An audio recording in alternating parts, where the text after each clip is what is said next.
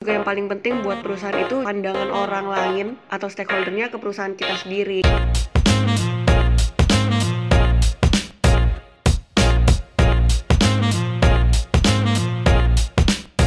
Halo guys, welcome to Dino Stock. Nama saya Rifki. Di podcast ini kita akan bahas tentang suatu topik tertentu untuk menambah wawasan dan pengetahuan kita. Yang pastinya sambil makan malam ditemani teman-teman saya. Saat ini saya ditemani sama tiga wanita hebat nih. Boleh perkenalkan diri dulu dong. Masing-masing namanya siapa, terus pekerjaannya di mana, oke?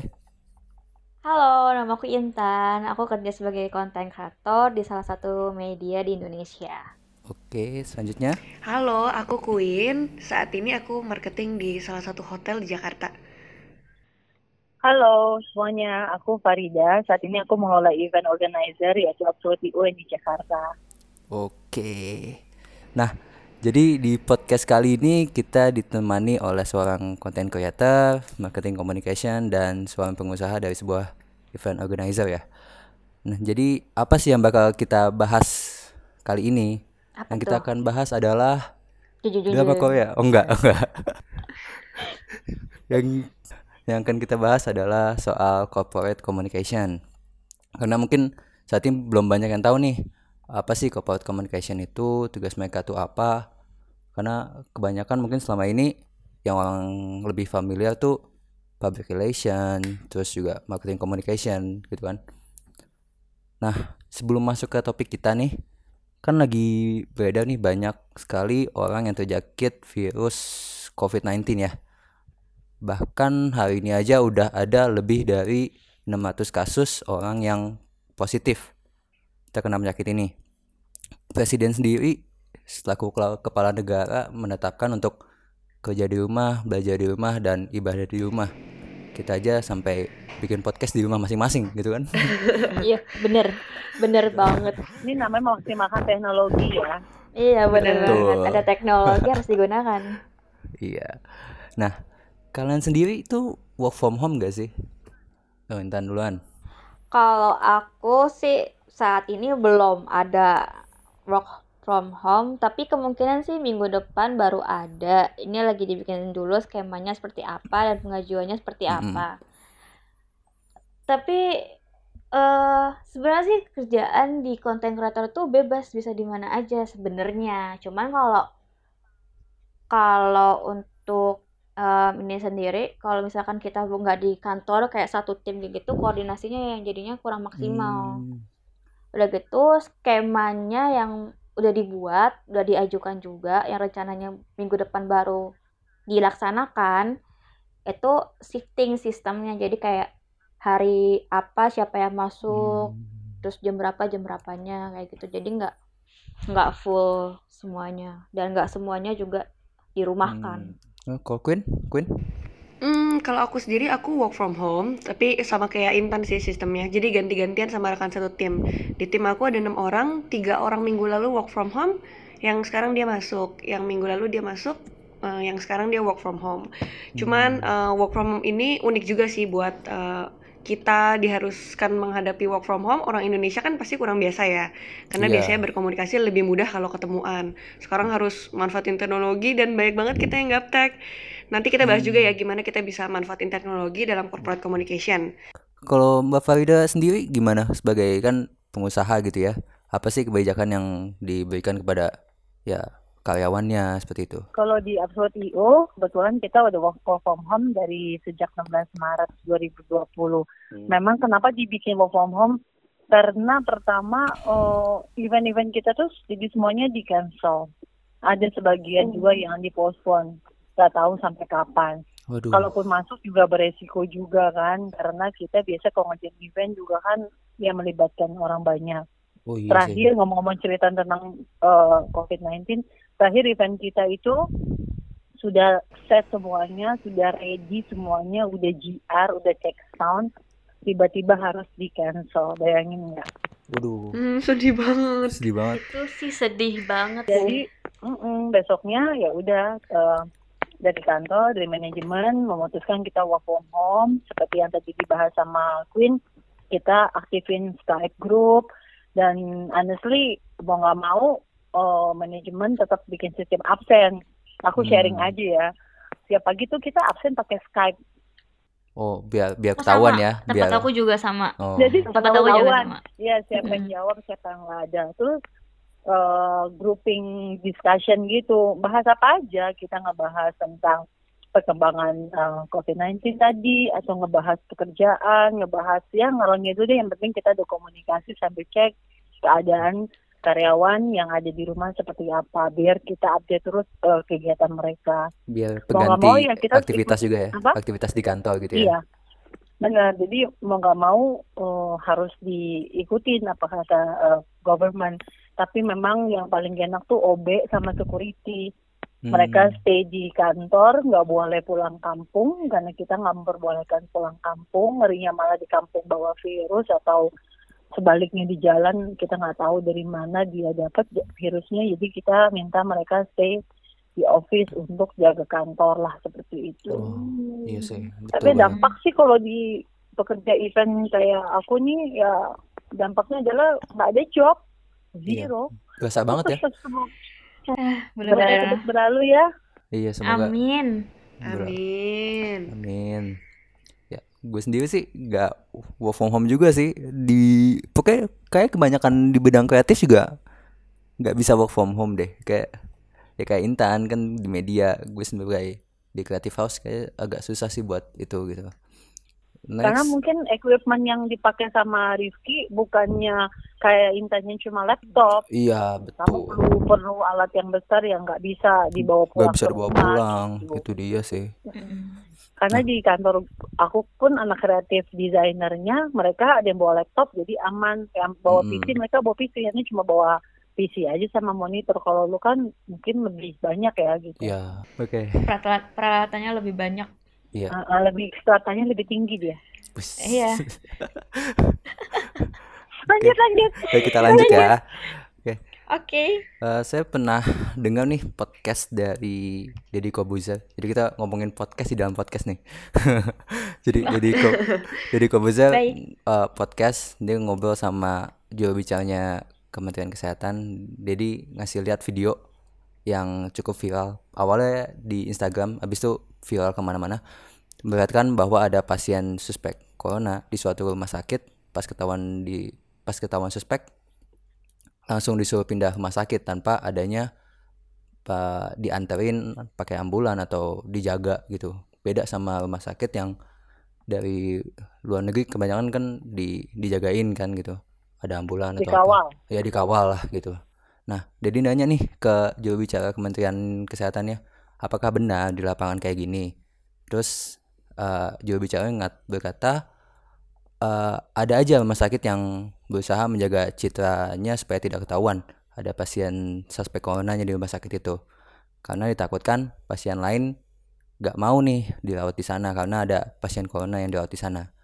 Ini kan jadi kayak eh, muncul pandangan baru sebagai rumah sakit tuh nggak sosial lagi gitu loh jadi kayak mereka udah mulai lebih ke bisnis nih sekarang gitu loh menurut kalian gimana sih tentang hal ini mulai dari Intan dulu nih hmm. Intan Dari Intan ya. Mm-mm. Kalau menurut aku rumah sakit yang demikian yaitu menjaga citranya. Itu karena supaya tetap ada pasien yang tetap datang ke sana. Ya, memang sih jatuhnya itu kan bisnis dan kasus kayak gini tuh bukan sekali dua kali tapi emang banyak banget karena kan kita nggak pernah tahu kita ini positif atau enggak. Pasien kan nggak tahu.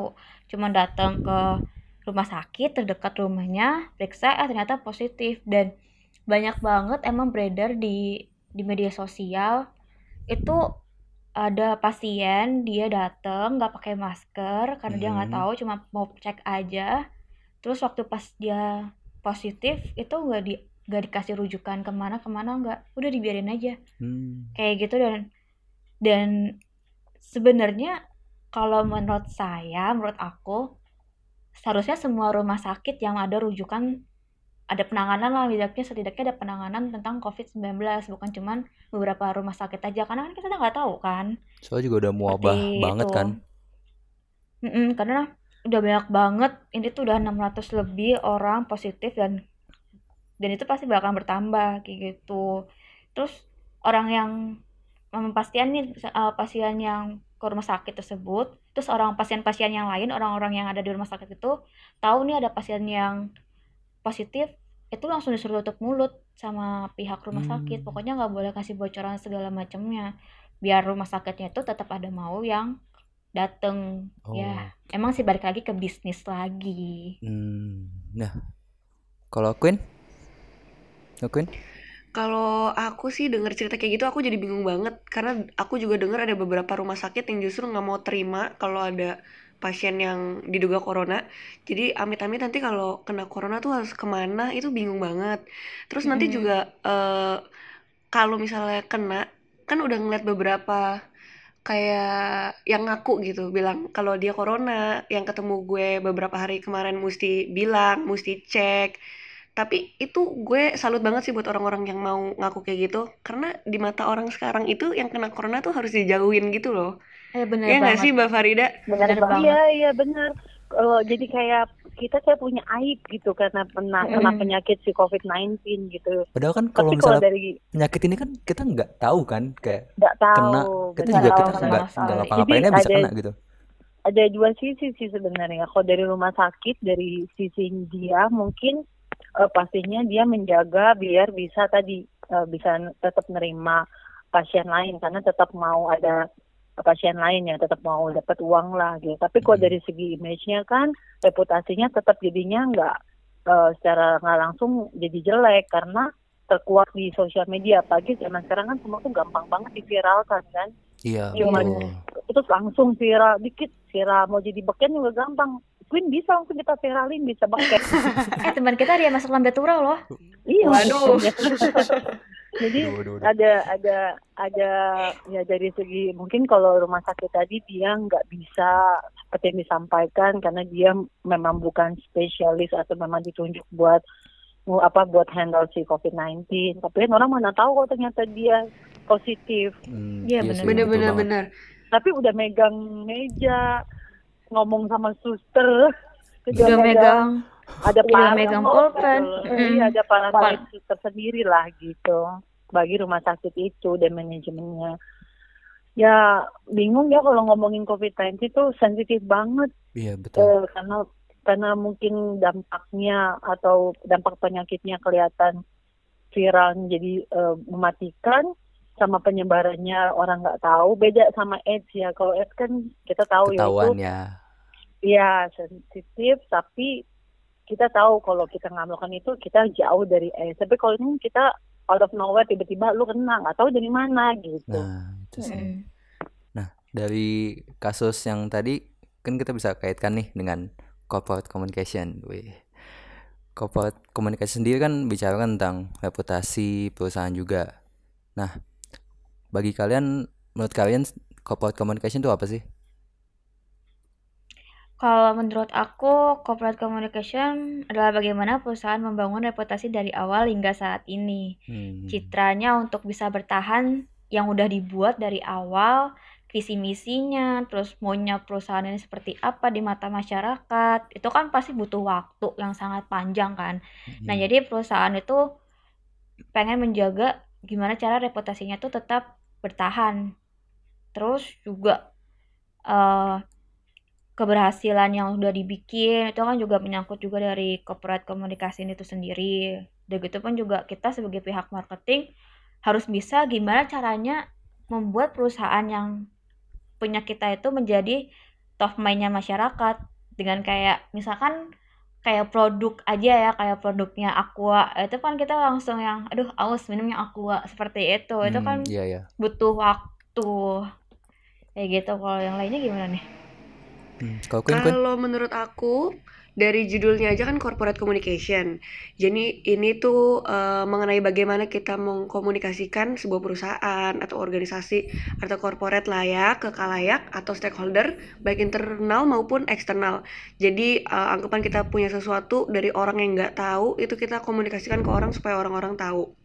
Nah, terus kan zaman sekarang juga yang paling penting buat perusahaan itu justru tuh pandangan orang lain atau stakeholdernya ke perusahaan kita sendiri.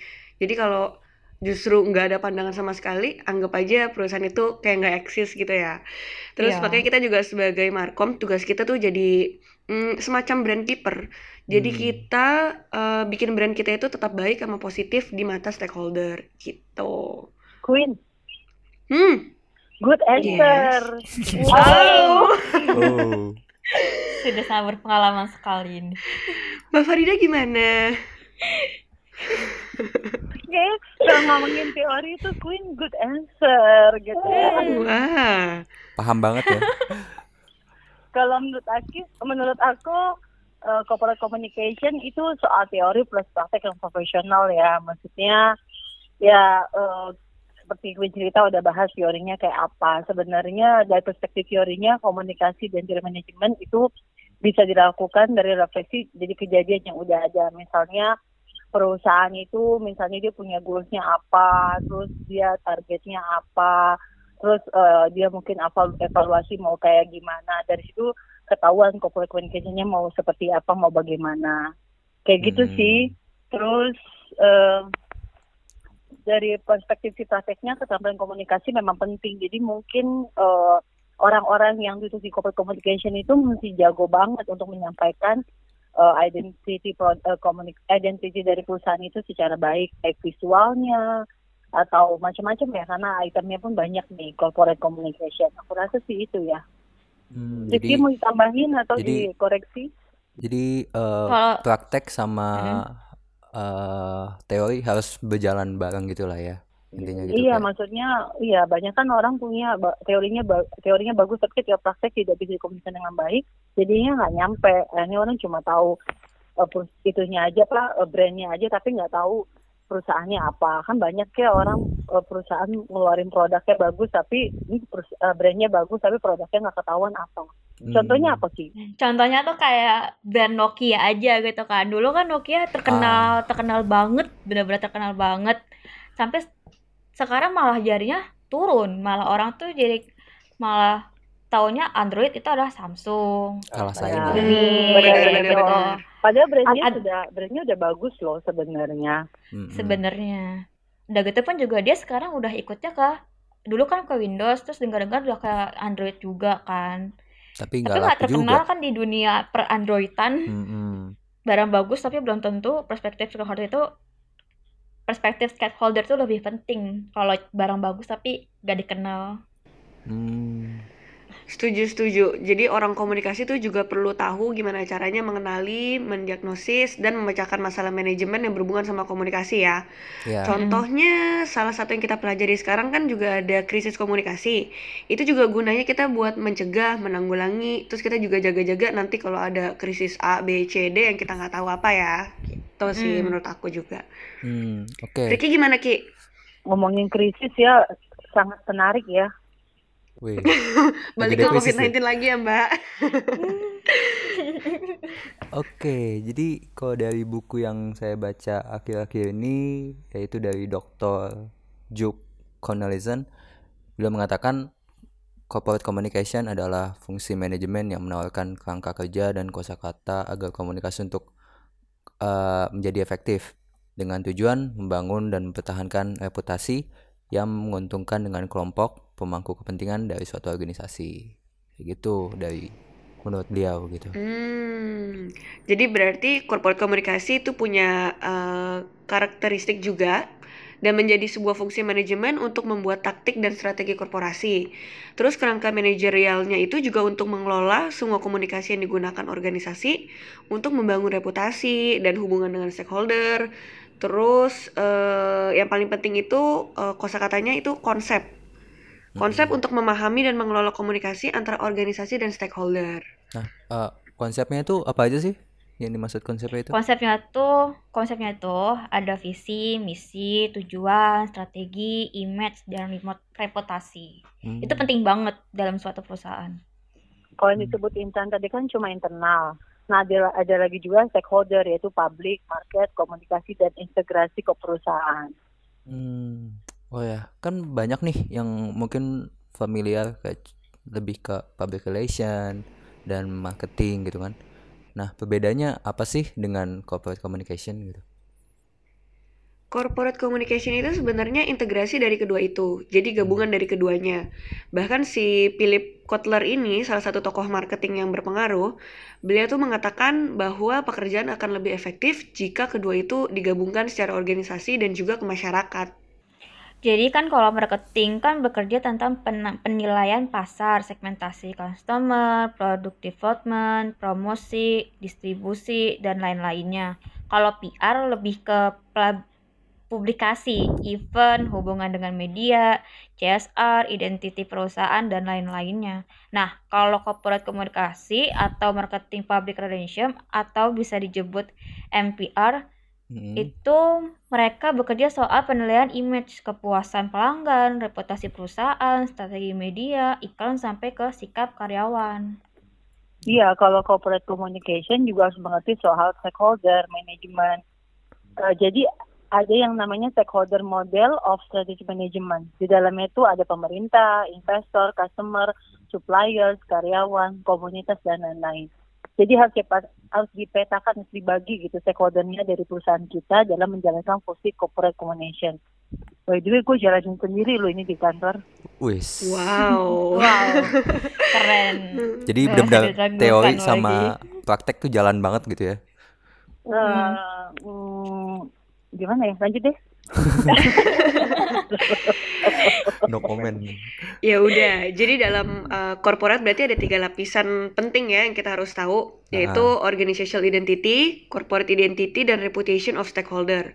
Okay. Organizational identity itu berisikan misi, visi, terus budaya perusahaan, lalu identitas perusahaan ada produk, layanan, uh, komunikasi dan sikap karyawan.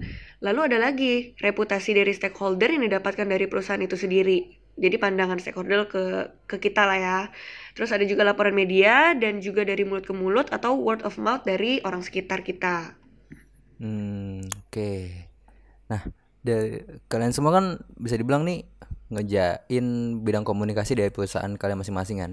Kayak Intan sebagai content creator, berarti kan nanti ada hal-hal yang disampaikan kepada stakeholder, apalagi kan media kan berarti kan uh, ngomong ke halayak gitu kan.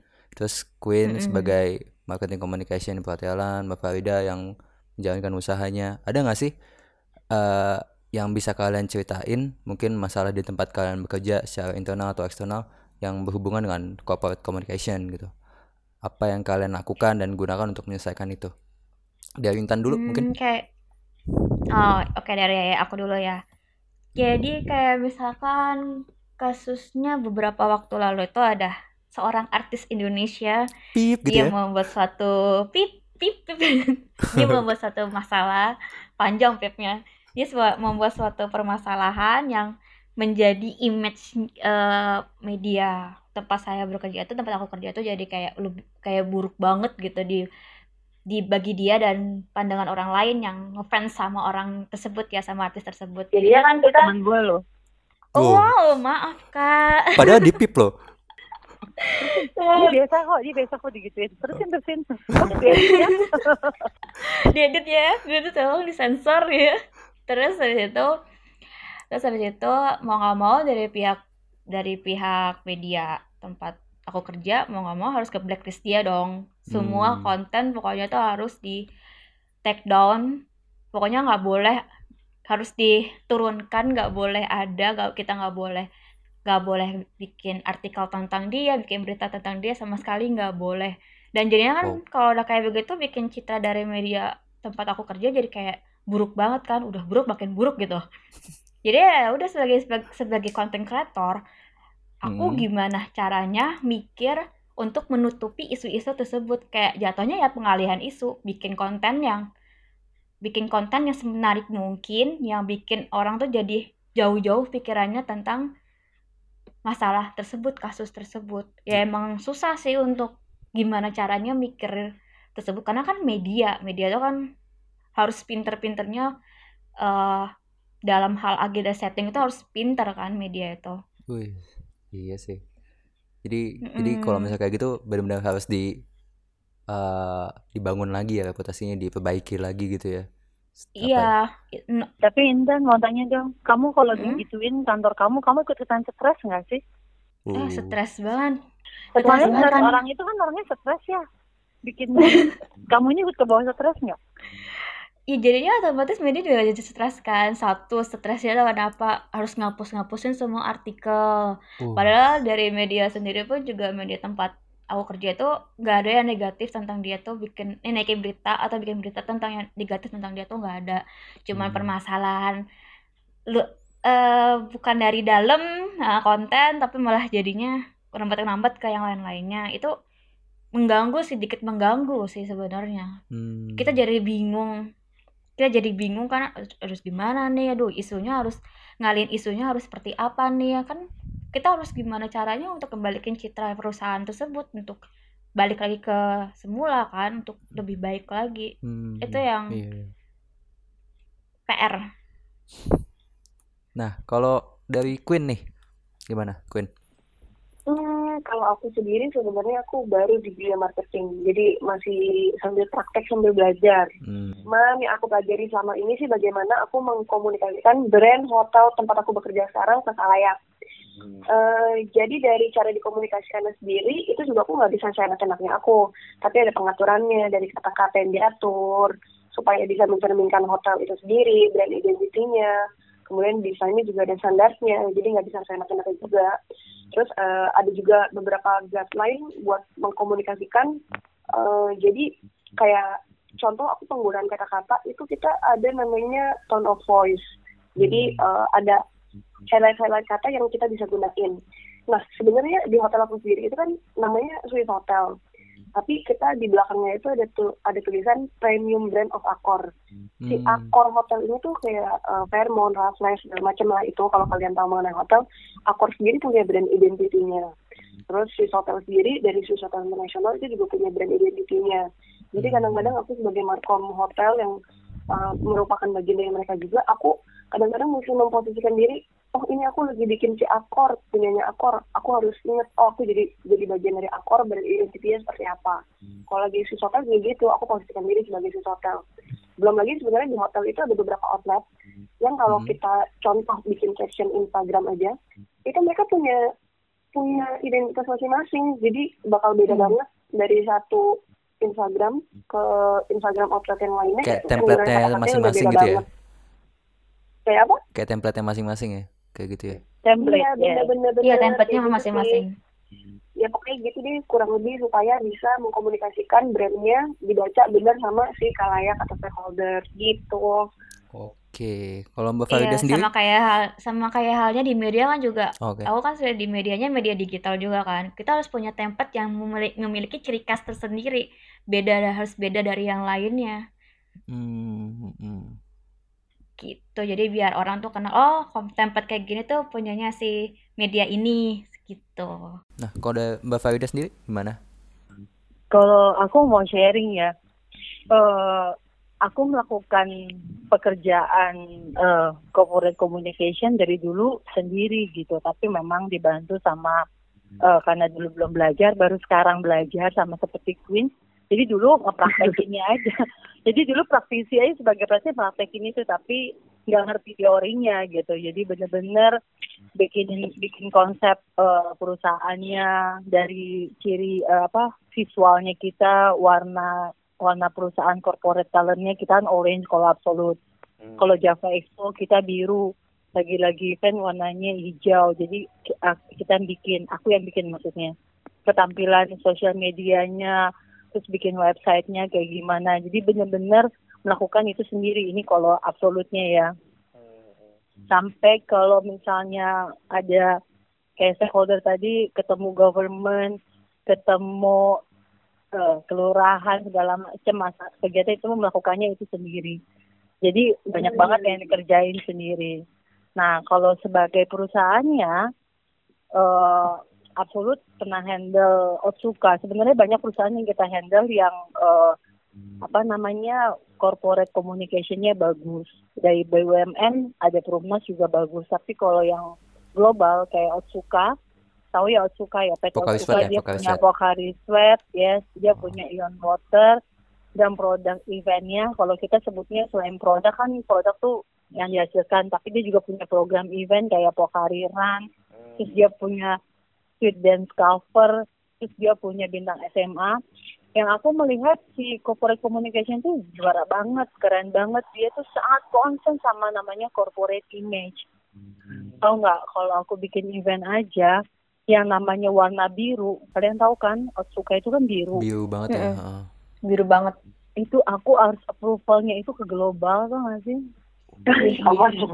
Birunya gitu? ketuaan biru gue terus kalau misalnya kayak misalnya kita mau bangun eh, stage atau backdrop atau anything lah di production itu aku harus ngasih sampelnya itu ke eh, kantor dan harus mereka approve ini birunya ketuanya sampai kayak gitu Waduh. cuma chat. Detail. Detail banget ya. Pokoknya parah banget. Tapi mereka concern karena buat mereka biru ini aja birunya Pocari Sweat, birunya birunya Iron Water itu birunya beda tuh. Hmm. Jadi jangan sampai orang eh, menim- melihatnya beda.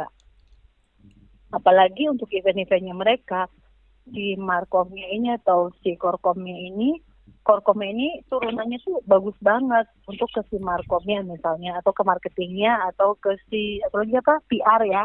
Mm-mm. Terus mereka punya lagi satu divisi eh, Ki- eh, Queen sama Intan. Dia tuh punya Hmm. juga yang ATL-nya yang specialized buat kayak eh, sosial medianya, YouTube series-nya. Hmm. Pokoknya semuanya tuh dia masing-masing dia fokus banget. Dan itu pun sama approval-nya tuh dari global juga. Jadi dari dari sini bisa kelihatan banget kalau mereka uh, korkomnya itu sangat concern banget tentang uh, identity-nya, tentang corporate-nya. Di mana turunannya memang dari Jepang dan nggak boleh meleset. Terus kalau punya program harus sukses. Terus kalau misalnya kita bikin event harus rame, nggak tahu gimana caranya, iyo harus mikir, Pokoknya harus rame ya. harus rame. Nggak boleh distancing, social distancing nggak ada ya. Nggak ada. Terus kalau launching atau press conference wartawannya mesti full. Wow.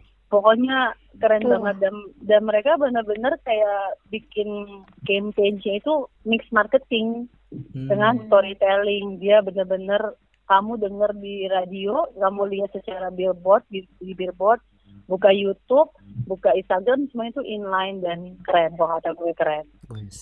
baru itu sih yang lainnya kalau BUMN biasanya nggak terlalu concern sama hal yang kayak gitu BUMN cuma cuma penting warna aku kuningnya gini ya atau warna kita hijaunya kayak gini ya terus eh, logonya harus begini kalau ini hitam putih kayak gitu nggak nggak terlalu detail saya perusahaan global Hmm. seperti Otsuka. Otsuka.